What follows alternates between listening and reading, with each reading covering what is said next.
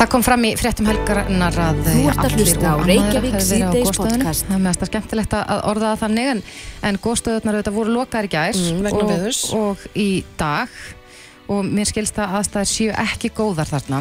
Nei, og svo kemur hérna fram að, á hérna MBL að hraunið er að breyða úr sér í Mhm. meira dölum þannig að þetta er ímislega sem þarf að skoða. Já, við rákumst á áhugaverðan pistil sem að hefur nú verið ansum ekki fjallaðum í fjölmiðlum síðan í gær en þar skrifar hann Herman Valsson leðsögumadur og er að lýsa eins aðstæðum sem að, að voru þarna í fyrradag uh, um kvöldið klukkan tíum kvöld í mikillri þóku, rigningar, úða, drullu og stórgriti og h- hann já, gekk fram á, á ferðamenn sem að voru með tvö ung börn Já. og reynlega við það örmagnast Akkurat. Hann er sestur hjá okkur, Herman Valsson, kom til sæl. Já, komið sælar og uh, þúsund takki fyrir að bjóða mér hinga heimsótt. Nei, Það er gaman að fá þig og, og væri til í aðeins að lýsa þessum aðstæðum sem að þú varst vitnað þarna í, í fyrrakvöld. Já, alveg sjálfsagt. Ég uh, fór hérna upp yfir uh, sem leysögumadur en þó einn til þess að kanna aðstæður.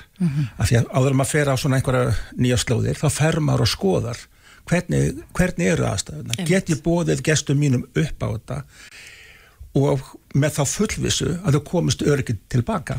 Af því ég var búin að vera að heyra einhver sögur, það væri stórgriti, það væri hált og þetta væri ekki svo öryggt. Og ég hérna, mér rakir róast hans Já. bara þau segið alveg svo er og þegar ég um, kemur upp á faradals fjálsryggin að þá bara blasti við mér hérna stórgriti og bara mjög gróft og það var úði og þannig að það var mjög hált þarna og svo var Mósi neðst sem var búin að, búin að, að, trafka niður en svo gefur að skilja. 8-6.000 manns gengu þarna á lögateinum þannig að þetta var nú bara eins og svell. Akkurat. En, en þú gengur þarna fram á þetta, ég held að við, sko, ég á tvö lítil börn og, og mér þetta er ekki til hugar að fara með þær ánga allavega strax, eh, ekki fyrir að mögulega búið að, að gera göngulegina aðgengilegri fyrir börn og, og svo sem hefur maður heyrt að, að almannavarnir og lauruglan fleiri hafa verið að, að byðla til fólks, að fara ekki með ung börn þangað, en þú gekkst þarna fram á uh, erlendaferðamenn sem voru hjón, sem voru með tvö ung börn og Já, mér brá hreinlega þegar ég sá myndirna sem þú dildi með fæslunni þar sem að, að, að maðurinn er með annað barni á bakinu og hitt barni í fanginu Að örmagnast. að örmagnast. Já, já, já, það er rétt. Ég, ég sá þau þarna þegar ég settist niður og, og var að fá mér eh, heitt te og, og bröðsneið aðeins að pústa og svona uh, íkvað hvað ég ætla að gera næst. Já.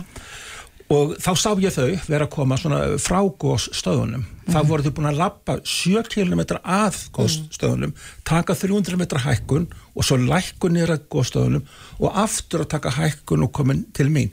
Þau voru búin að ganga svona 10 km Já. og áttu umtalsvert eftir 4 km og það fór ekkert fram hjá manni að þau voru algjörlega á seinustu bensindrópanum. Ég er það heppin að ég er búin að vera í ferðarþjónustu núna í 40 ár og ég hef séð þetta, hef séð þetta oft. Ég hef verið þarna skálafur upp á fimmurahálsi, þar sem að þurft að fara út á hálsin í kolvillisum veðurum þess að ná fólki inn í, í hús. Og já, hann var með burðapoka á bakinu, þar var hann með annabatnið sem var svona kringum 5 eða 6 aldurinn. Og svo var hann með annað minna í fanginu. Og hann var að reyna að berjast þarna í gegnum þetta og sjálfsög þegar maður heldur að batni svona í fanginu þá nærmar ekki að horfa niður hvar maður er að stíga og hvort maður sé að fara á trinnið. Og barnið í eðlisunni er öryggispúði fyrir hann. Ef hann myndi detta fram fyrir sig að þá með barnið taka höggið.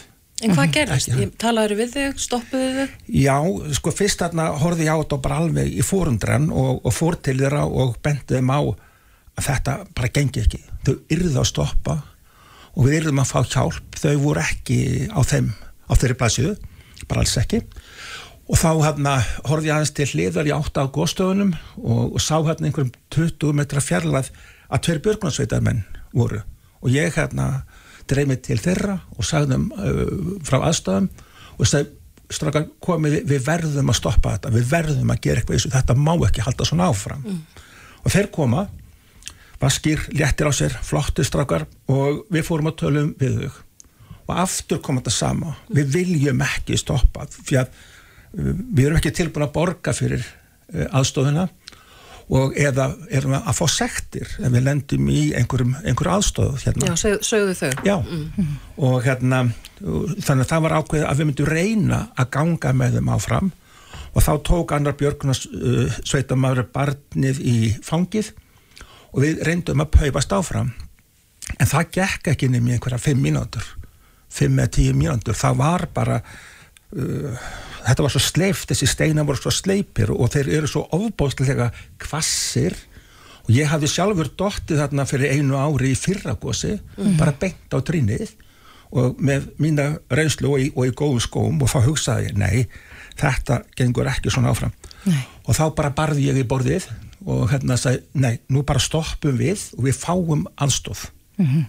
en, en það sem að þú ert líka sko, þetta er náttúrulega mjög áhugaverið pistil sem skrifaður á Facebook og, og hefur vakið miklu aðtegli þú ert líka svolítið að gaggrina kannski stjórnvöld, já fyrir það að við séum ekki að huga betur að þessum matriðum það er fyrir séð og alvitað að það muni þúsundir manna leggja leysinu þángað en við erum ekki kannski að gera nót til að tryggja öryggi bæði sko, innlendra og erlendra eh, ferðamanna Já, það er hár rétt. Mm -hmm við erum ekki góður gæskjafar hvað þetta viðvíkur. Og ekki bara þarna, heldur líka á öðru stöðum svo til dæmis í uh, reynisfjörni mm -hmm. þar sem við höfum mist fimm líf. Mm.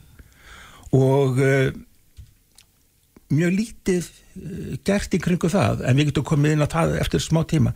En þarna sko er fyrirbyggjandi aðgerðir eru mjög takmarkar því að fymtudaginn var þá kom fersla frá Björgunarsveitinni í, í Grindavík. Þorbirni.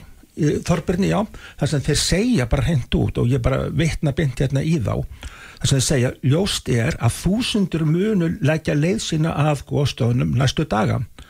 Og það þarf að undibúa vel. En er ekki það sem þeir eru að gera núna með því að hafa lokað vegna framkvæmda þeir eru að laga gungulegð að en það ekki?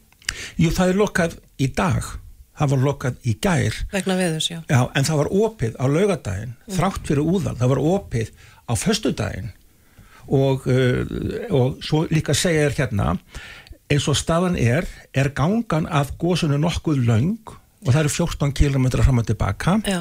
og erfið, erfið um mikið bratlendi mm. þannig að þessar, þessi atrið voru á hreinu fyrirfram mm -hmm. og þá auðvitað setur maður upp eins og ég sem lesuðumadur ég fer ekki með gesti mína á stað ef ég er einhverjum vafa um öryggi þeirra. Það, maður bara gerir það ekki. Og búnað og annað? Já, búnað, skófatnað, eitthvað til þess að býta og hérna drekka mm. og ekki undir neinum kringustum að fara með börn. Nei. Þau bara örmagnast eins og gerist þarna og þau bara örmögnuðst bæðu tvö. Mm -hmm.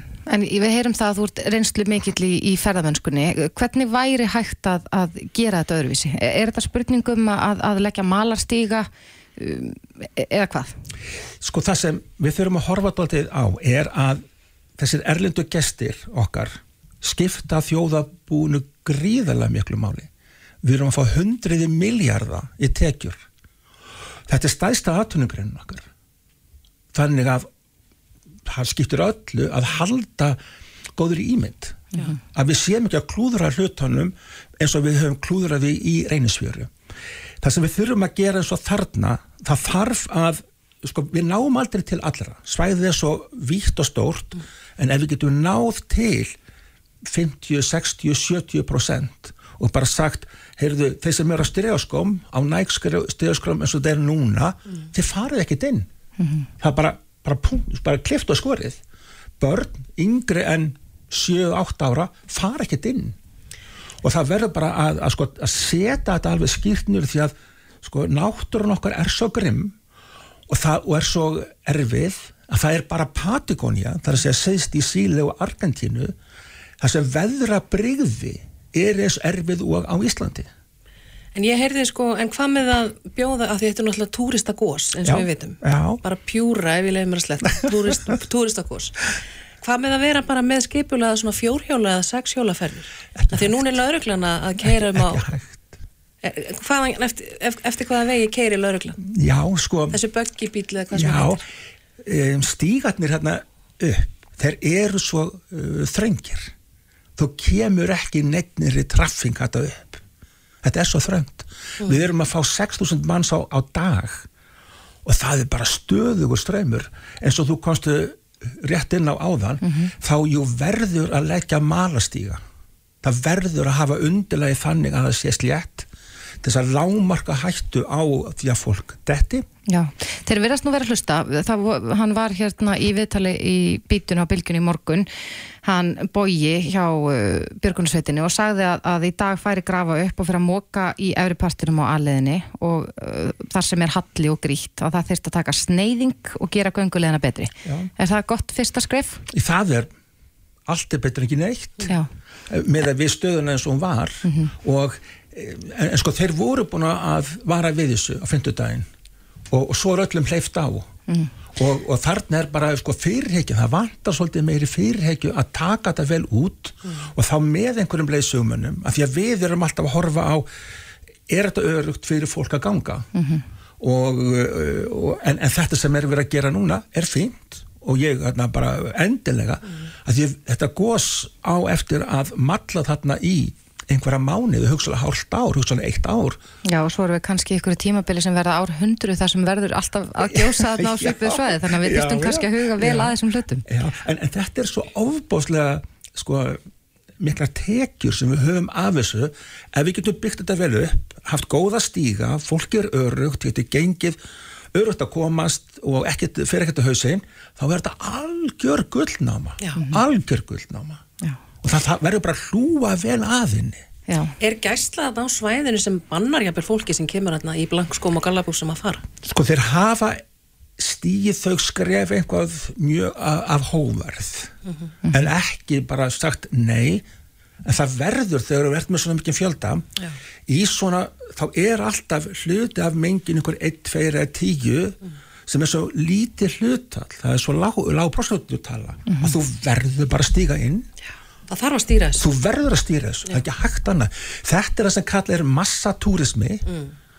og bara í sinni bestu, bestu eða vestugerð og ef við horfum bara á frakkana, horfum á spannverðina, ítalina, hvernig þeir stjórna og það, þar er bara þessu styrt. Einmitt. Það bara tekið á þessu og það kostar líka inn á þessa ferðamannastæði þar. Heldur það að verði gjaldtaka þarna? Já, mér finnst það að vera sjásægt að gjald taka fyrir aðgangin og þá tryggja fólki göngustíga og aðstóð og hjálp mm -hmm. eða ber eitthvað út af og þetta er við farin að gera á öllum bílastæðum kringum allt land. Mm -hmm. Þetta er ge gert allstaðar ellendis. Já, já. Til að borga þeim sem er að sjá um fólk verðir á annað. Já, já.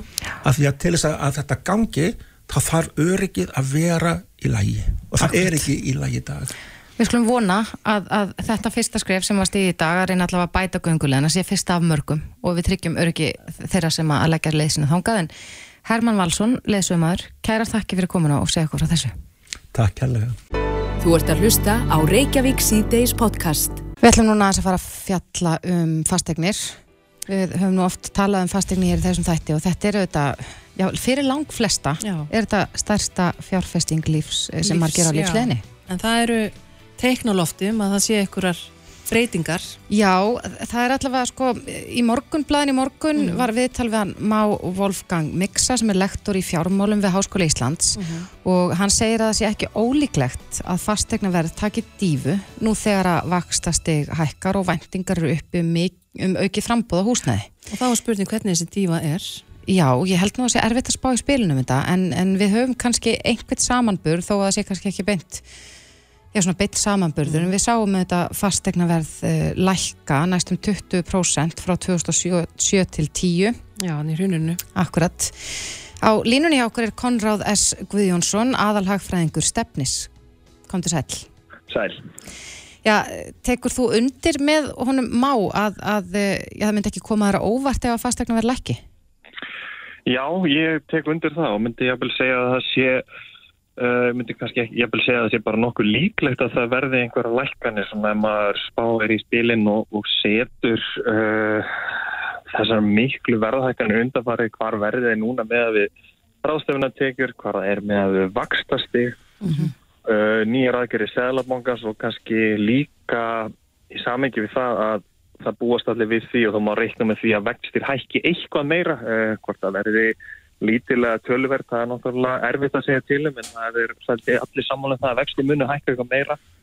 Og í því samengi þá er stafan bara orðin einfallega þannig að greiðslubyrði á nýjum lánum fyrir samskonar húsnæði hefur hækkað gríðarlega mikið á uh, rétt svo einu ári. Mm -hmm. og ég hef eiginlega ekki trú á neina öðru en það muni sko allavega uh, verði muni staðnæmast og það gæti gæst náttúrulega rætt uh, hvort hversu mikið það lækkar og hvenar það gerist og hversu lengi það mun erfiðar að segja til um. Og svona myndi gíska að það er kannski ekki, ekki þessar verðlækjarnir sem voru hérna í hruninu en það var það aðstæðar þar sem að voru tölvert frábærinu því sem er núna.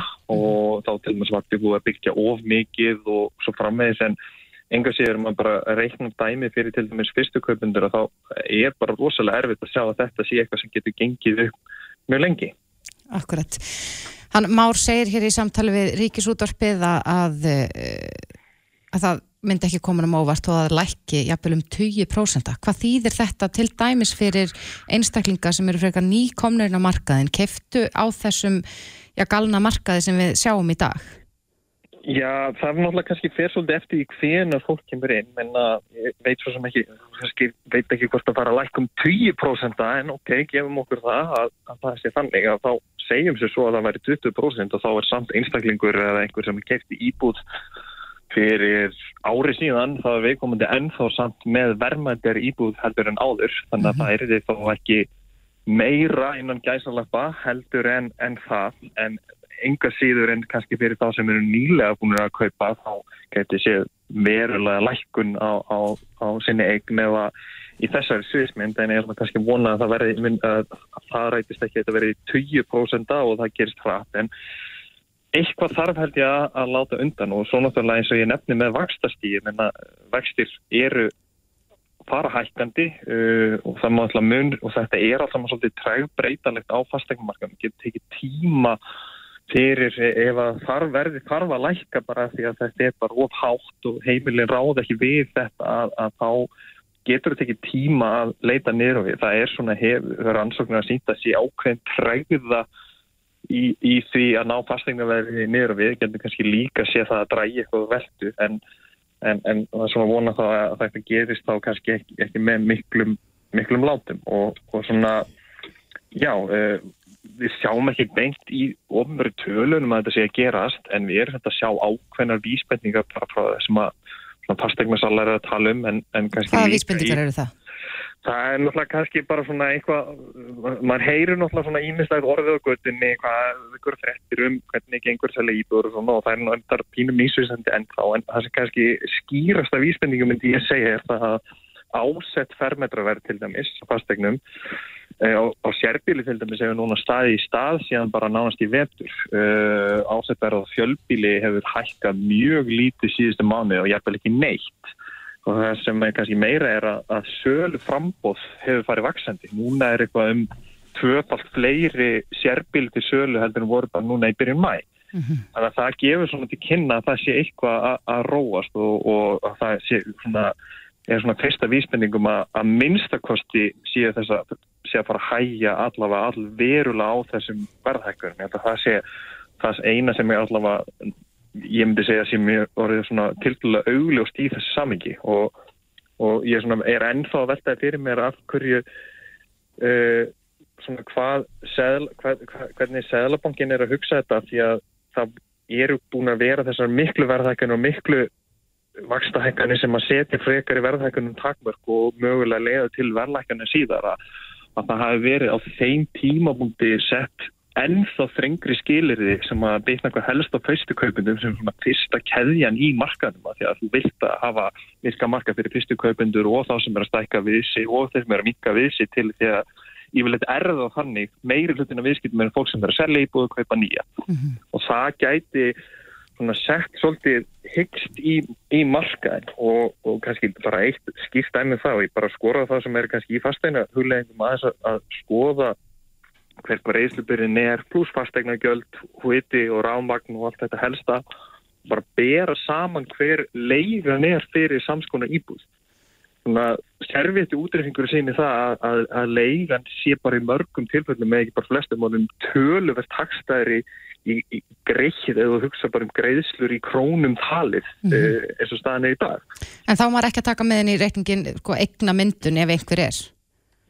Nei, nei, það svo kemur hitt, menn til lengri tíma hefur fastegni, hafið fastegni skilað mjög góður í ávöxtun en, en hérna ávísin í fortíð er ekki ávísin á ávísin í framtíð og eins og ég segi, mér finnst líklega en ekki að fastingaverð geti lækkað svolítið lækkað eitthvað og jafnvel töluvert þegar það fyrir að líða aðeins inn í haustið. Já, ég veit að það er nú kannski erfitt að ráða fólki heilt, fólk sem er að reyna að koma sér inn á fastegnumarkaðarinn en, en þú, ég talar um það að það sé gott að reikna út bara á servittuna mm -hmm. uh, hver greiðslubyrðin yrði af láni og, og öllu sem við kemur ekstra á fastegn en, en ætti fólk hreinlega bara aðeins að halda sér höndum og sjá hvernig þróunum verður? Ég held að það sé bara best að fólk meti það í sínum aðstæðum fyrir sig. Alltaf fastina kaup snúast um ímislegt meira og heldur en bara það að finna endilega rétt að tímapunktinu hvernig átt að kaupa og selja. Það er náttúrulega alls konar breytur og fjölskyldu hægir og ímislegt sem að ræði því. Þannig að ég held að það sé ekki þetta að ráðleggja eitthvað svona almennt, ég held að fólk þurfi bara svona út frá sinni stöðu náttúrulega bara að mynda það, það er náttúrulega ákveðni kostir upp frá að eiga og, og frekar með að leia og svo framvegs að, sem að verður náttúrulega takin í myndinu líka þannig að það geta að hveða svo fast orði að ég allir bara hætta við öll fastegum kaup nú, en, en enga síðu þetta er eitthvað sem er náttúrulega bara mikilvægt að hafa áttas, reyna að átta sig á markasæðastæðin hverju sinni því að þetta er einhver síður gríðarlega stærstu, stærsta fjárfesting flestra og svona fyrsta stóra fjárfesting sennilega allra. Mm -hmm. En nú eru vísbendingur um að, að fastegnaverðið er að lækka í löndunum í kringum okkur mm -hmm. til að mynda í Svíþjóð og, og, og bandaríkunum og fleiri löndum. Er, er eh, við hæfi að, að bera okkur saman við þessi lönd út, út frá já, bara öllu? Já, sko, ég, ég, ég held að mörgu leiti sé það við hæfi að því að það sem er að gerast þar er að, að svipu leiti það samur gerast hér, menna ástæðan fyrir til dæmis miklum veðhækkunum víða eins og til dæmis bandryginn hefur náttúrulega verið mikil stuðningur í gennum COVID hins óbera á Sælabanka og mjög lágt vakstastík og einnig líka það að í COVID þá gáttum við ekki ferðast. Við vorum bara först í því að með kannski flestir heldur tekjum en að ráðstöfnutekjum heimilina þær voru að vaksa mikið í heimsvaraldunum og kaupmáttu voru aukast en neyslu möguleikunum voru takmarkari og allir fastir heima og hvert fara þá peningana? Jú, þá er náttúrulega mjög freistandi að fjárfesta í heimilinu og ég held að það hafa átt stóran hlut í, í þessum hækkunum hér og erlendis og kannski einhverju þetta eðlert að það jafni sig að gangi tilbaka og svo hitt sem að snýra stöðningnum að vakstasteg hefur verið mjög lágt eins og í þessum löndu sem það nefnir en það fer núna hækkandi og það er greinilega að hafa áhrif og ég sé raun ekki af hverju það heita ekki að hafa áhrif hér á landi að, að vextir hækki að það muni ekki slá á, á, fasteg, á fastegnarverðshækkanu og þess þá heldur það sem að vakstahækkanu hér hafa verið uh, tölvöld hraðari en, en allavega í þessum tömur löndum. Akkurat. En þú talar aðeins á þann um, um viðbröð Sælabankans og við sjáum fram á mögulegar uh, en frekari hækkanir á vöxtum. Já. Hvernig hefði, eða hvernig ætti jafnvel Sælabankin frekar að bregðast við heldur með vaksta hækkunum? Uh, að þínu mati? Ég held að, að, að það sé því miður orðið þannig að, að það skipur svolítið bara silt frá okkur að, að við erum bara komin í þá stöðu að verði sé orðið þetta hátt og, vex, og, og, og verðbólgan er algjörlega óásæftanlega mikil, er næst í 10% sem er markvallt herra heldur en verðbólgumarkmi sérbankas, þannig að hann er eiginlega tilneittur til þess að vera að hækka vexti. Mm -hmm. Það sem ég hef ekki skilið frá því í mars er það að þá voru mjög skýra vísbendingar um að markaðin væri á algjörum yfirsnáttbyggi og væri, hækkanir væri mögulega bara að vera ósjálfbæra og það var áður en að helstu vaksta hækkanir komi. Það sem ég vegu mest að fyrðu hjá mér er að fjármálastöðuleika nefnd Sælabankars hafi ekki greipi til þessa aðgerð sem hún greip til núni í júni að hún hef ekki greipi til þeirra þegar hún hittist í mars. Það feist mér eiginlega, ég hef ekki séð og get ekki ímynda með rökin fyrir því að, því að það var ennþá frekar að tilum til þess því það var áður en það er hækka vextina. Ef það hefði gert það og það hefði virkað þá sennilega í fyrsta lagi hefur möguleikið þurft að hækka vextin eins mikið og þá hefur kannski tryggt betur að það væri betra jafnvægi í vermyndunni á, á fastegnumarkaðin. Það er alltaf auðvitað að vera vitur eftir á en einhver síður e- ef að svona, það sem man, maður óttast er rétt og ætla vona alltaf að, að Sælabankin þá læri af því. Akkurat. Já, við fylgjumst með því og, og uh, það verður forveitinlega að sjá hvort að þessi uh, spá rætist. Konráð S. Guðjónsson, aðalhagfræðingur stefnis. Kæra þakki fyrir þetta. Takk. Þetta er Reykjavík C-Days podcast. Nú er komið að þeim árstíma þar sem að það er aðeins farið að dimma. Margir sem fagna því. Já, það voru kósi, Mér finnst indislegt að geta kveikt á kertum á kvöldin. sammála. En uh, tími rútínunar er líka að renna upp. Mm skólar byrja, flestir hverju grunnskólarnir eftir svona, já, tíu daga eða eitthvað svo. Já, svoleiðis. og mentaskólanir átjánda, Já.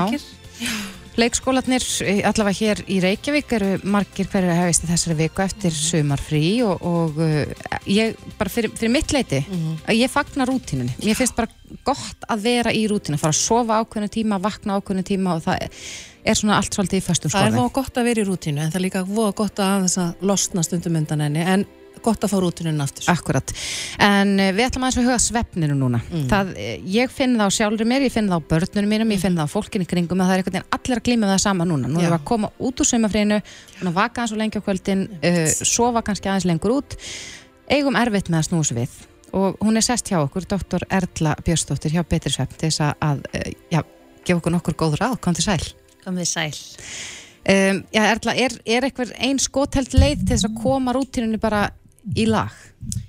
Sko, já og nei, þetta er auðvitað aðeins mismunandi bara eftir hversu miklu ólægjum er búin að vera í og svo fer þetta líka þess eftir aldri, uh, kannski annað sem áviðum lítið leikskólabötn eða, eða fullorna og svo eru það úlingarnir sem oft eru búin að snúa sólarhingnum við, en ég mæla alltaf með því að gefa sér svona smá tíma í að rétta sig af, sérstaklega ef maður er alveg búin að snúa sólarhingnum við og farin að sopna allt og seint og vakna allt og seint sem við sjáum svona, sérstaklega hjá ungu fólki og úlingum Já. að það er algengt og þetta eru börn sem eru flest að byrja í skólum svona í lók næstu viku að þá er ágætt að byrja svona aðeins smám saman að neka rútínun í rétta átt fara kannski hálftíma, klukkutíma fyrra á fætur á mótnana, sofa aðeins fyrra á kvöldin og vinna svona þannig í hægin að þá verður þetta auðveldara heldur en að taka þetta alveg bara á hnefanum daginn áður en maður á að mæta í skólan þá verður fyrsta vikan svo erfið og bara eins og við þekkjum líka fullatna fólki þegar við erum að mæta ósofin í vinnu það er nógu erfitt ofta að koma tilbaka í vinnu eftir að vera í löngu fríi en að maður er líka illa kvildur og ósofin að þá gera það ennþá erfiðara Já.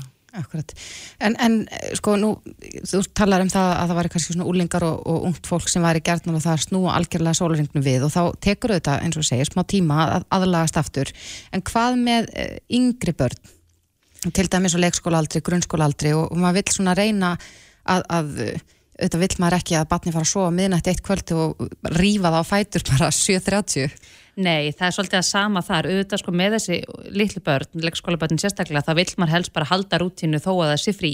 Já. Við erum oft kannski að reyna að kaupa okkur í hægin að sofa sjálf lengur út og lefa börnum að vaka lengur en það yfirleitt skila sér ekkit endilega í lengri svefni á mótnana og börnin hafa svo mikla þörf fyrir ramma, reglu og rútínu.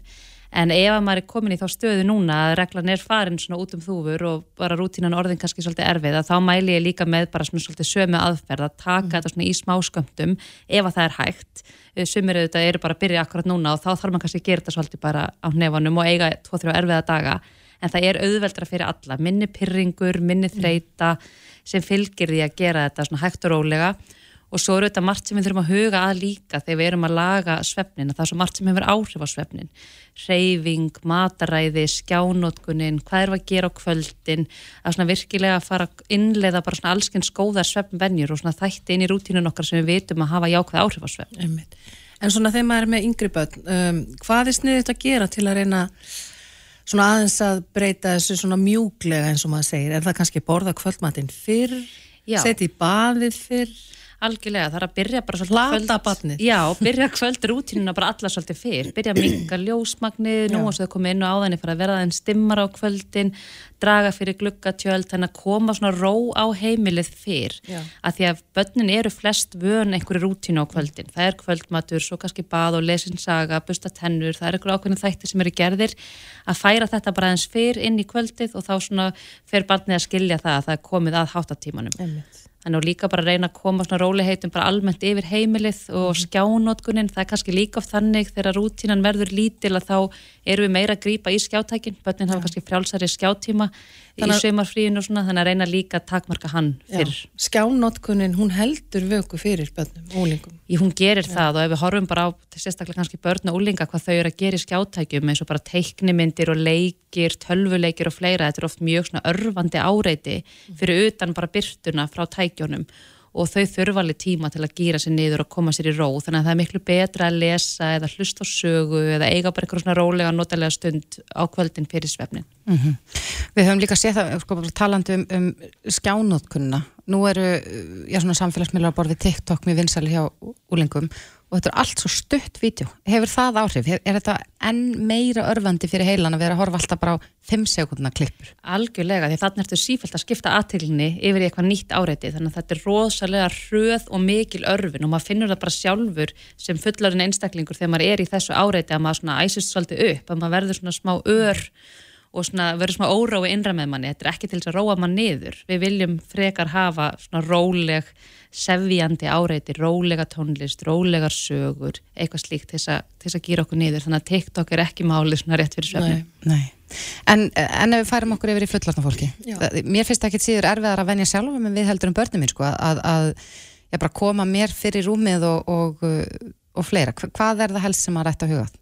Ég, þetta er svolítið sama hjá okkur. Þetta er regla og rútína og þetta er lífstillin og að bara passa okkur að þegar að oft bara sömur þurfa að setja líka bara tímastilla á kvöldin hvernig maður á að fara að sofa að því við gleymum okkur oft, bara yfir einhverjum áreitum við erum kannski búin að koma börnunum í rúmið svo förum við að horfa sjónvarpið, dettum inn í eitthvað efni þar eða erum í símanum og allt í einu bara klukkan án 12 og við erum óvart farin á sent að sofa. Þannig að það er líka gott að stilla bara vekjara klukkuna á 9 eða 10 þegar við ætlum að byrja í svona einhverju svona, hérna, gýra okkur niður fyrir svefnin, byrja einhverju svona kvöldrútínu og byrja þá bara til dæmis að fara í heitt bað, lesa, hlusta á einhverja hljóðbók eða gera eitthvað rólegt og slakandi. Þannig við séum virkilega að setja svefnin okkar í forgang og síðan yfir daginn að þá þurfum við þetta að huga að því eins og bara með koffinið. Uh, Það er freistandi þegar maður kemur tilbaka í vinnu uh, þreyttur og búin að vera kannski frí og óreglu að vera kannski að fá sér koffinið orkutur ekki fram til degi, reyna að forðast það, fara frekar út í göngutúr, nýta dagspyrtuna, fá reyfingu, ekki borða kvöldmandin of seint. Þannig að þessir þættir sem við vitum að skipta máli fyrir góðan svefn. Þetta er þetta er í raun og veru, þetta hljóma kannski einfalt en það getur verið flókið að fylgja þessu eftir en það er reglarútína og heilbröði lífstíl sem er besta forvörðin fyrir svefnvanda.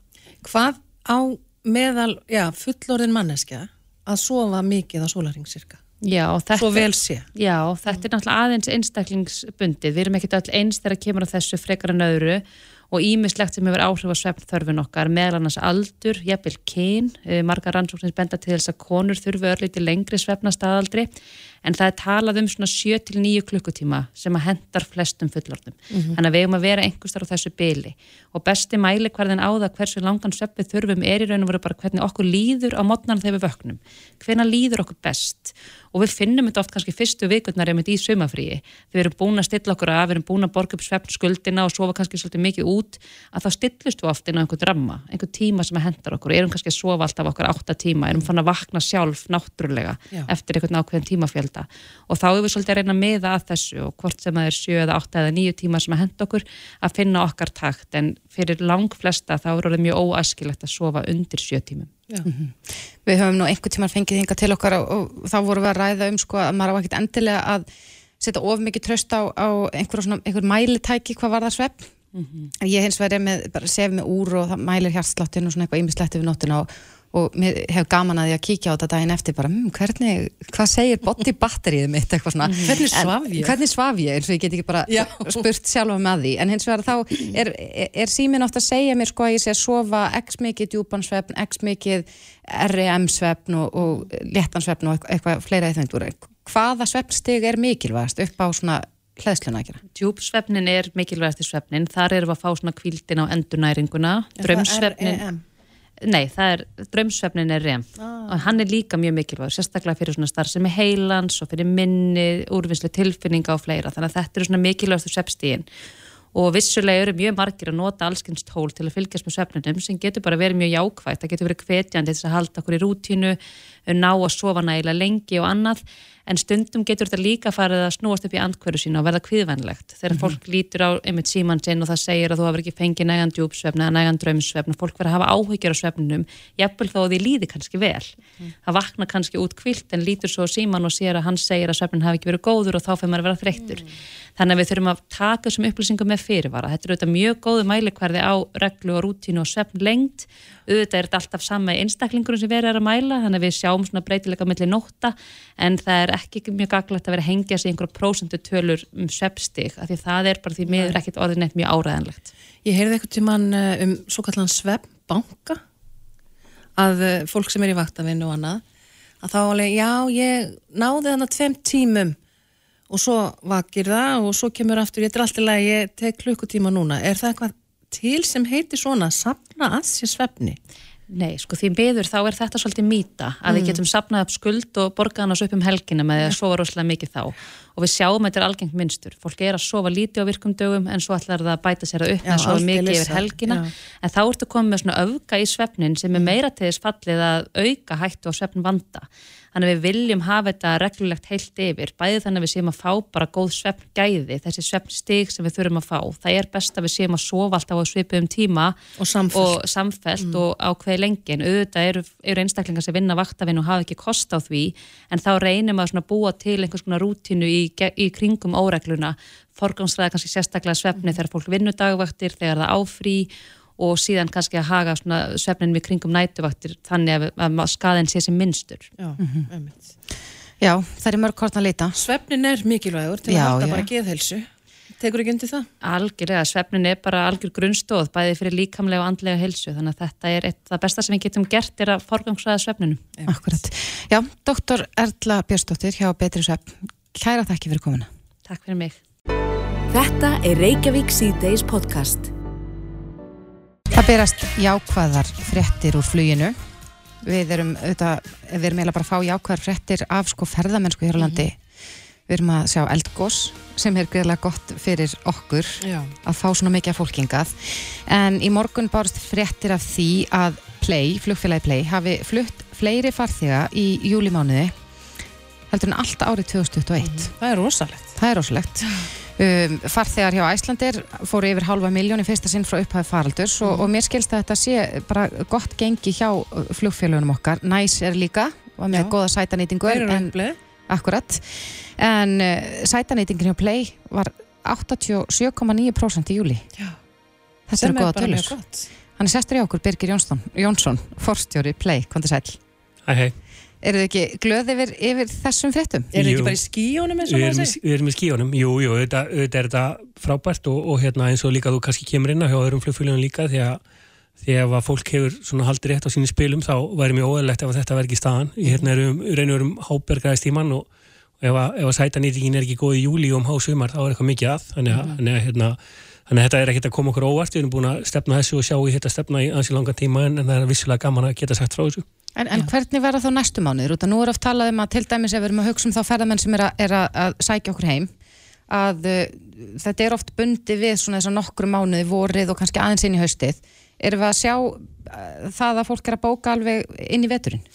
Já, sko, það sem, að, það sem er kannski, það eru nokkri punktar í því, annars er það að, við erum að fljúa hérna 110.000 farþegum núna í júli uh, og 350.000 manns á þessu ári um, á þessum tímapunkti mjög stór hluti af þeim er fólk sem kemur raunur ekki til Íslands nema í tvo klukkutíma sko, mm er bara að koma á milli bandaríkjana og Evrópu. Þannig að við erum kannski ekki alveg eins viðkvæm fyrir því hvað, hvað sem er ekki ferðamenn er að koma til Íslands eða, þannig að þessi svona svepla sem þú ert að vísa til þessi svona árstíða svepla er kannski svona jafnast aðeins út, út af því.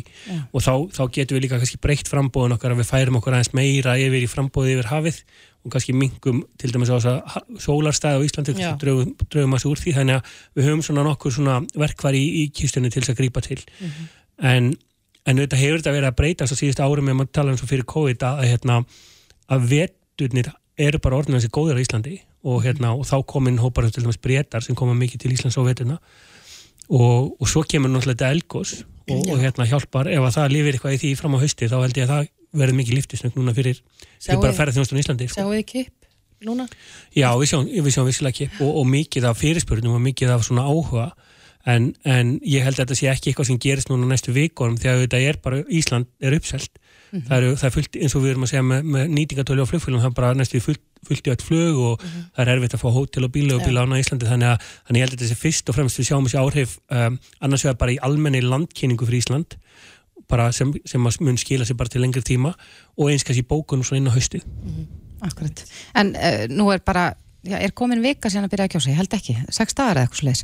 Uh, sáuðu það strax um leiðu að byrja að kjósa, hvernig, eh, hvernig áhugin jógst? Já, svona kipp, kipp af, af sko, trafikinn á bókunavélinin á samfélagsmiðla og, og líka við vorum við þetta sáum þetta gerast. Þannig að meina, það voru allir að býja eftir góða að vera skjáltar þannig að okkar frábæra markastemi var tilbúið. Þannig að við vorum mjög fljótað að keira í gang alls konar efni á samfélagsmiðlum tilbúið og annað slíkt sem að, sem að, sem að hérna, kannski keirði áhuga svolítið upp. Því að hérna, allt svona er gott ef maður horf bara á íslensku ferðarþjónustu og bara þjóðfélagi heilsinu út af því að það er ekkert sjálfgeið að ferðarmenn komum bara til Íslands og nú eru, nú eru allir áfangastæðir og öll lönd að marka þess að þetta sé eftir COVID og, og það er ekki bara gefið að fólk ákveða að koma til Íslands þannig að þetta hjálpar gríðarlega mikið til, til að byggja upp sko ímynd landsin sem svona svona lífandi staðar, svona pínu hættulegt svona svolítið svona adventure sko. Og þannig að ég held að þetta sé bara kemur bara alveg eins og þetta pöntun sko fyrir ferðarþjónustuna sko. En við sáum, uh, það nú ekki langt síðan að ja, þeir tóku á loft, rúmt ár. Uh, margir voru að bera ykkur saman við hinn lágjaldaflugfélagin sem voru héttu hér á landi. Uh, er vist þetta klikki? Er, er, er við að sjá þetta fara í sömu átt eða, eða munið þið halda flugi?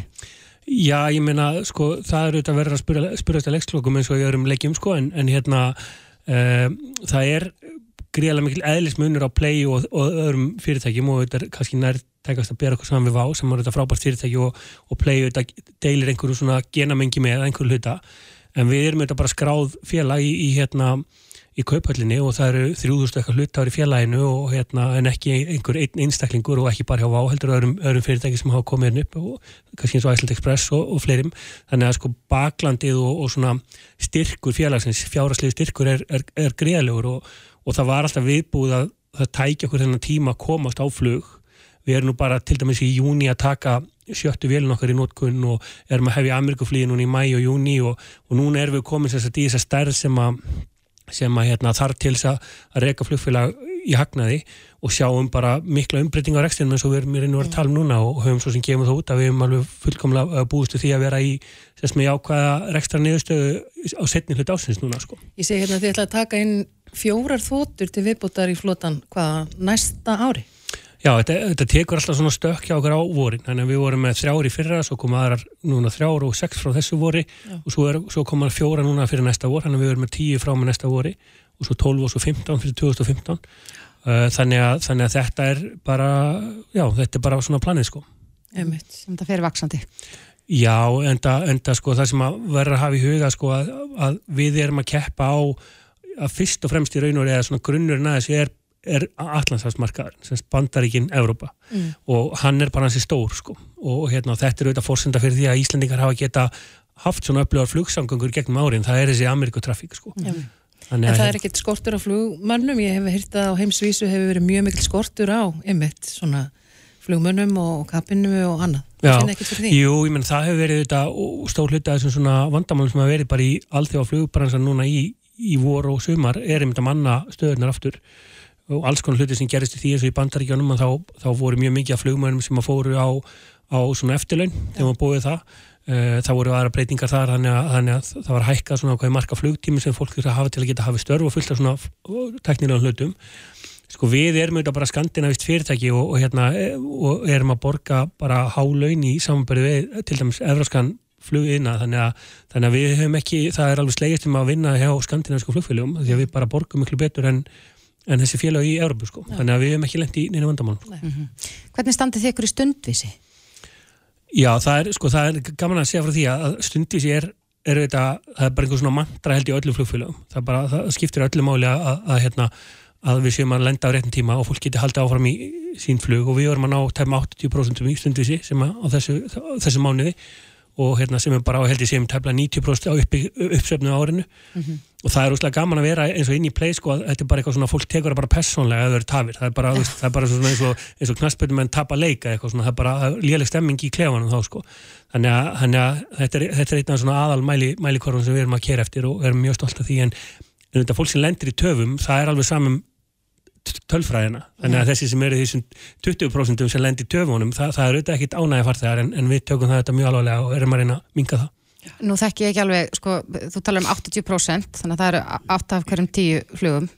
Um, er þið með eitthvað markmið, þú veist, auðvitað ætti markmið kannski vera 100% en, en, en hvernig er það samanböru við önnur flugfélug Já, okkar einar markmið er svona kringum 85 og, og þá erum við að mæla í raun og veru komutíma mm -hmm. af því það kannski skiptir minna máli fyrir fólk sko, hvort að flug, flugilinn fer á réttin tíma eða hvort hún lendur á réttin tíma af því það er þá hægt að fljúa hraðar eða gera einhver trikk á leiðinu sko, til þess að lenda á réttin tíma því þá er fólk að fara í tengiflug eða eitthvað annað þannig að það er ofta ekki sama prósendan mm. þannig að við erum að mæla eins og flest heldur flugfélag er að mæla, mæla þessa komutíma mm -hmm. og, og hérna þannig að okkar markmið er þessi 85% Uh, en eins og við erum náttúrulega verið að sjá í fréttum þessi, þessi tafir og þessi töskumál og bara þessi mönnunarmál þetta, þetta er mjög erfitt í Európu eins og, eins og stendur þess vegna er þetta eins og okkar fólk er bara ná, þetta er bara stór afreg segja sko. Já, akkurat En, en uh, ef við horfum aðeins til já, næstu mánu, þú talar auðvitað um það að, að það er alltaf vorin sem þið takja ákveð stök bætið við ykkur vélum og fleira, en hvað með áfangastæði verður ykkur nýjir áfangastæðir í, í vetur eða, eða þurfum við að býða til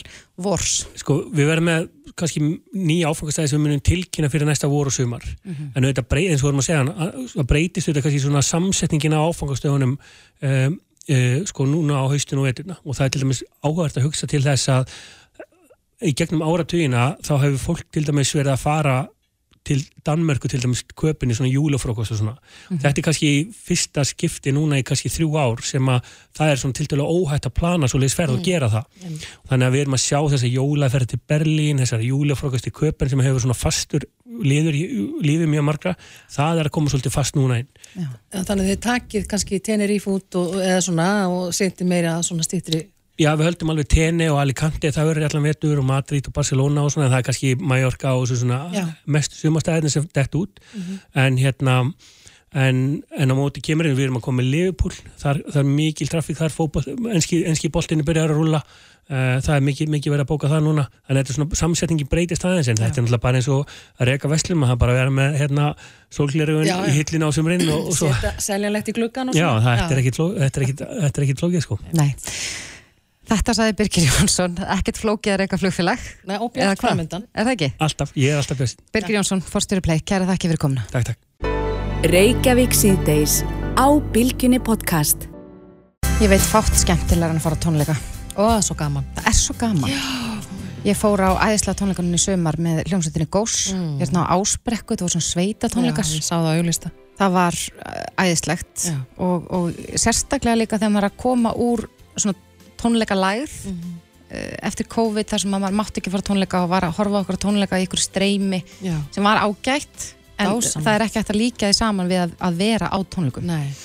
en við rákumst hér á það að uh, tónlistamæðurinn Múkisson mm -hmm. hann er að, að uh, óska eftir hjálp hann segist þekkja landsbyðina mjög vel en hann þekkja ekki nægilega vel til hérna á uh, Stór Reykjavíkusvæðinu og er að byggja okkur, mm -hmm. ykkur alla um, ábendingar Já. af stöðum, uh, minni tónleikastöðum. Um, Svona í hverfum og annað. Já, og er hérna... bara hérna með reynilega lista yfir uh, bara postnúmerinn hér í, í, á höfbruksvæðinu Hann er nú búin að bóka eitthvað hérna. Já, mér sínst það. En Múkisson er á línunni, sætt vertu. Sæll. Gó, Góðan og blæsaðan daginn. Hvernig gengur leitin að hennum eina sanna tónleikastað? Já, ekki hennum eina sanna, þetta eru margir. Já Eh, ég, sko, þetta kom nú mjög óvart, ég er nefnilega uh, rosalega margir sem surru og komið geggjaðar hugmyndir mm. hérna því ég sett hennar postin á Facebook og ég held nú uppalega að maður gæti nú einmitt, uh, bara kannski spila í hverju postnúmeri svona mm. og láti það döða en svo eftir að ég fekk öll þessi svör og allar þessar hugmyndir þá sínist mér maður verið að spila bara í sumu postnúmerum á, á nokkrum stöðum mm -hmm. og hérna ég er ekkert smá spenntur, þetta er gömul hugmynd hjá mér að hérna maður er yfirlega tekið sko landsbyðarringin sem ég, maður er búin að gera bara í 20 ákvaðan mm -hmm. hérna, og svo enda maður í borginni á kannski í stærri sannleikstöður og, og svona heldur uppskýra hátíð. Mér þetta mjög sniðt já vegna þess að þetta kannski veku fólk til umhugsunar um það að það er ekki allt 101 og 107 það sem að kaffi vest og vera og annar nú byrð ég í 113 útkverfi og Já. það er engin svona samkomu staðin nema kannski kirkjan. Þannig að þetta er mjög sniðt sem að vera að gera þetta svona. Já, ég er svo spenntur og einmitt bara já, fullt af uh, kaffuhúsum og, og, og einhverju svona bara fólk hugsar í lausnum. Einhverju íþrótahúsur með sali já, og svona, þannig að ég hlakkaði mikið til að pústa þessu saman á næstu vikum og, og hérna og sjá hvort að fólk nefn ekki að koma í, í svona létta kvöldstund í hvað, hverfinu sínu. einmitt en hvað er það við þessa tegunda tónleiku? Þú, þú ert að auglýsa eftir stöðum sem taka hvað, 80 til 150 manns. Uh, Já, einmitt. Segðu okkur aðeins frá stemningunum sem þú ert að leitað. Mér finnst einmitt sko, þegar maður er að spila út á landi, þá er þetta oft svona starfin á stöðunum, svo tehúsið hjá hann og Dóra á Ílstöðum og það er eitthvað við og það er, er, finnst mér sko ekki eins og maður sé einn að spila heldur er meira svona eins og við séum öll í það saman einhvern veginn. Það er einhvern veginn rosalega náinn tenging finnst mér þegar er þessi stærð. Svona, já, mér finnst maður eins og maður sé að vinna einhverju saman heldur frekar en að maður sé einn upp á sviði. Það er svona, þetta er, Það er mikið nánd og, svona Já. sterk einmitt, það myndar svona kósi stemningu mitt Já, og svo er bara, maður líka nálat fólki hana, fólk sér hvað maður er ógeðslega sveitur og, og hérna, Akkurat. En, en spennandi, skemmtilegt. það hljómar nú eins og þú ætlir í, í bara hennilega tónleika ferðalag hér um stór höfuborgsvæðið. Um, Ég stefna á það. hvenar? Eh, sko bara, ég er bara að byrja að bóka þetta núna alveg á fullu. Eh, ég verð í, sko, ég tek hérna, skal ég segja, september núna út á landi og svo stefnir bara í að oktober, november og inn í desember verði þetta. Mm Þannig að við erum að tala um tónleika inni, ekki, ekki endilega úti í, í veðráttunni hérna á haustmánuðunum. Já, núna í þetta skipti, já. Svo er það önnur hugmyndið mitt að spila út í gardi og svona. Það er samt meira sumar, finnst mér. Já, en hvaða prógram ætlar að taka? Er þetta göm, gömlu lögið þín eða er þetta nýlegra? Já, ég er með, hérna, það er að koma nýtt efni núna í bara eftir tæðrar vikur Mm. Og uh, hann að ég, ég spila það aðeins og svo náttúrulega bara gamla góða steffið og ykkur í brandarar og svona. Akkurat. Þetta hljóma dásulega. Ég legg til við auðvitað hvetjum fólk til að fara inn á uh, Facebook síðan og hjá þér og kom með hugmyndir ef að það vantar í einhver postnúmer. Ég sé að það eru nú já, komin uh, 514 uh, ummæli. Já, Það er hansi mikið. komið fullt af geggjum hugmyndum Já. og, og bara ég hlaka til að vinna úr þessu. Akkurat. Ég legg til að við heyrum eitt uh, af þínum geggjöðu lögum. Múkisson, gangi ég vel og kæra þakkir. Takk fyrir. Er það ekki? Gaman að ykkur. Sömulegis. Takk, takk, bye.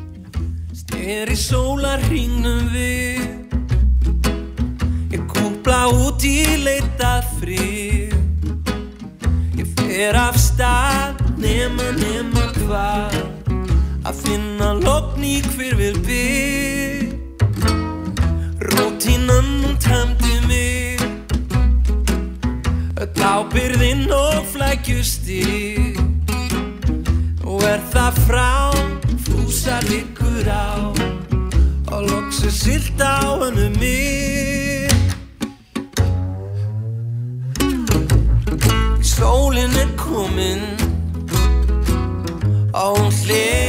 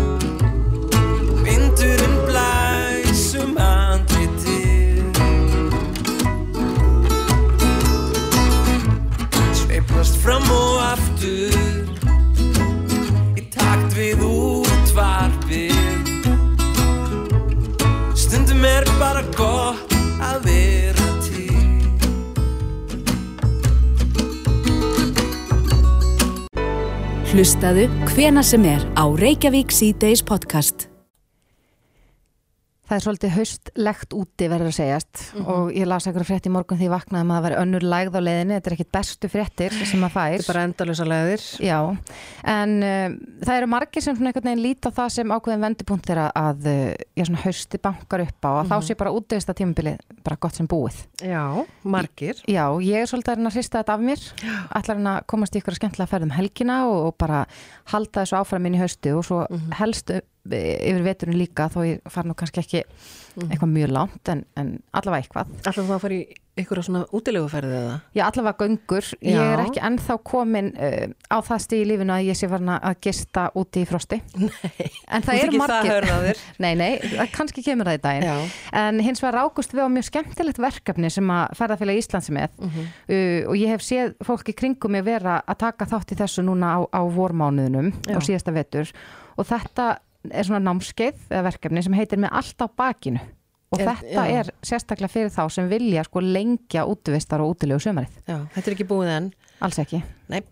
Hún er sest hjá okkur Vala Humbóðdóttir sem að, er eina af þeim sem sér um þetta námskeið. Kom til sæl. Sæl, takk fyrir bóðið. Já. Takk fyrir að koma. Segðu okkur aðeins frá verkefninu. Já, verkefni er sagt hugsa fyrir þau sem vilja lengja útivistar eða útilegu sumarið. Í vor þá ákveðu að vera með verkefni sem heitir með allt á bakinu til að undirbúa fólk undir útilegu sumarið. En svo datt okkur í hug að vera með haustverkefni lí- líka fyrir þau sem vilja ekki pakka niður útilegu dótinu alveg strax. Já, sem eru bara í afneitun. Þetta er ekki búið, við getum haldið áfram. Já, og ég verð nú reyndar að viðkenna að ég hef, á, á eigin vegum hef ég engungu farið fimmur háls og laugavegin í lok ágúst og meðan september eða í lok mæ þegar það er minni trafík og þá hefur bara verið óskup gott við. Man getur alveg hitt á mjög gott viður á haustin. Já, alveg, svo sannarlega. En, en þetta verkefni er hérna alveg fram í oktober. Þetta er alveg fram í oktober og ég hef sem sagt verið að stunda það að gisti í tjaldi hver með einasta mánu núna í nokkur ár og alltaf verið að lengja útvista eða svona útilegu árið um einn mánuð einu í alveg svona átta ár og ég finn oft mjög lítil mun á sem sagt eh, nætur hitanum í oktober og í júli. Það getur alveg farið niður í fjögustegi jafnvel frostmark í júni mm. og það getur alveg verið fjögustegi í oktober eh, á nætunar þannig að það er ofta ekkert svo mikil munur. Nei. En hvað skiptir mestu máli þarna? Er, er ekki, sko, ég get ekki ímynda mér að gista einhver staðar upp á fimmvörðahálsi í, í tjaldi sem ég fekk gefins frá símanum fyrir þjóðati fyrir 15 ára síðan. Sko, ég, ég myndi ekki mæ, mæla með því. Það getur orðið mjög kallt þarna við fimmvörhálsskála Mhm. í, í lok mæ og, og lok, lok ágúst. Það getur alveg farið neyri mínus fjóra gráður, jafnvel ennþá kaldara. Mhm. Þá er kannski gott að vera með svona frekar létt göngutjald. Það þarf ekki að vera dýrast og fínasta tjaldi. Það er alveg mjög mikil breytt þegar kemur að göngutjöldum. Mm. Það fáði alveg neyri 40.000 og alveg upp í 200.000. Það mikilvægast að finnst mér að vera göngudínan það er einhvern veginn alltaf að bæta vissi fötum, ég set oft bara dún hérna, dún úlpunum mína yfir mjöðmyndnar og hún í söpbókan, en það mikilvægast að finnst mér að vera uh, dínan en kannski að allra mikilvægast að finnst mér vera að, að fólk sé forvit um þetta, fólk hafi áhuga á þessu. Að þetta er ekkert fyrir hv- hvern sem er en það geta allir gert þetta sem hafa áhuga á því. Ég segi að þetta eru 11 ferðir sem að verður farið í frá 24. ágúst til 8. oktober og þessar 11 ferðir það eru mismunandi að lengt uh, lístaðans fyrir okkur er þetta í rauninni hugsað sem bæði fyrir byrjendur og sem að kannski hafa ekki mikið þóli en vilja prófa og líka fyrir þú allra hörðust Já, eh, í vor þá var samsetningin þannig að það var fólk sem var með mjög mikla reynslu og þekkingu á þessu en langaði svona að koma sér í gönguform fyrir sumarið. Þannig að hendar fyrir þau sem að hafa verið að stunda þetta lengi en langar kannski svona að prófa að lengja útilegu árið. Mm. Svo hendar þetta líka fyrir byrjendur sem bara vilja bara byrja að stunda svona útivist. Mm Hvað er styrsta vegalendin sem farið er? Styrsta vegalengdin held ég sé liklafell eh, þannig á hengilsvæðinu það minnum að sé styrsta vegalengdin það er eina síðustu göngunum Já, svo sé ég líka, já, um, haust útilega í nákvæmlega Reykjavíkur, það er nú allra, allra Já. fyrir, það er tveir kilometrar. og máli er að um, ég fundi það þegar ég er að fara í svona þegar ég er að lengja útilega árið þá, mér fannst þetta svolítið einmannlegt í byrjun þá voru ekkert margir að stundi þetta, ég var nýflutt frá Nóri þar sem að þetta er mikið stundað og það hefur verið stundið þar, þar með vinkunum mínum og verið að lesa bækur eftir útvistakonur á Englandi, frá Wales, Skotlandi sem að stunda þetta sem kallast wild camping, þetta er bara svona mjög mm. vinsælt á Breitlandi og í, í Nóri og uh, en svo fann ég það þegar ég byrjaði að stunda það með nokkrum vinkunum í svona vinkunu hóp hvað við lærðum miklu hraðar. Hvað lærdomskurvan bara tók stökk.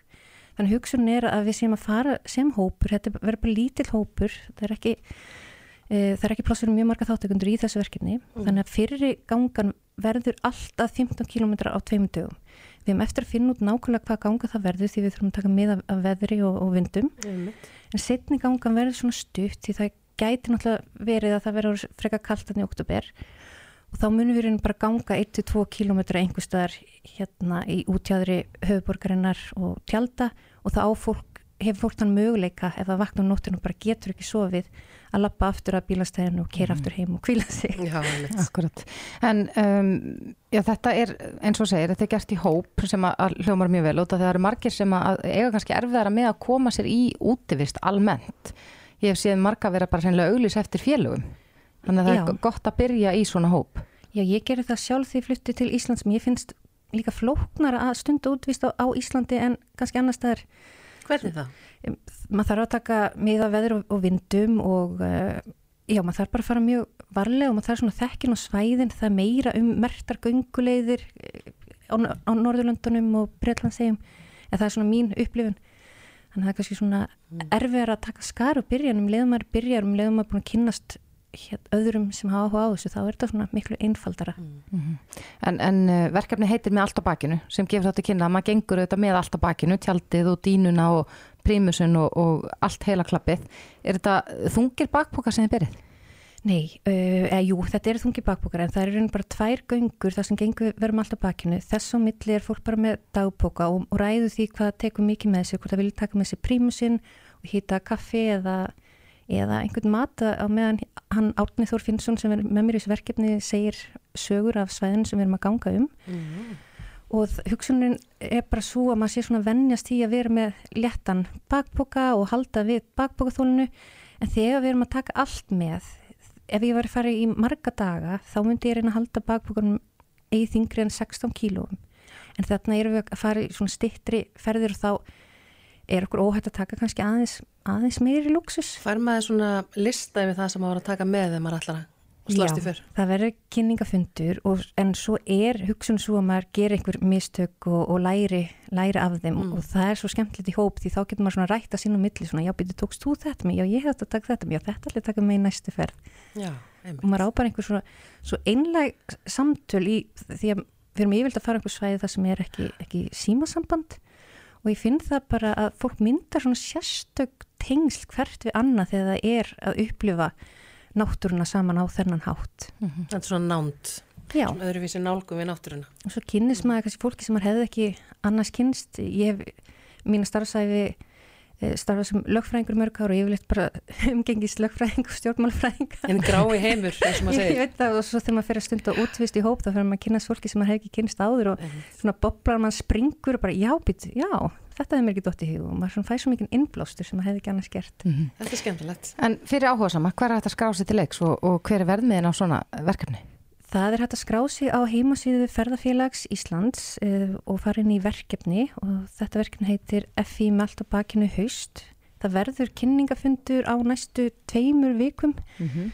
Uh, vermiðin á þessu verkefni fyrir félagsmenn er 63.000 krónur og, og það eru sagt 11 göngur inn í því meðal annars kattatjarnaleið, lengri ganga um helgar Mm. en annars er þetta ein ganga uh, á hverjum miðgudegi frá lok ágúst fram í Október er það ekki? Já.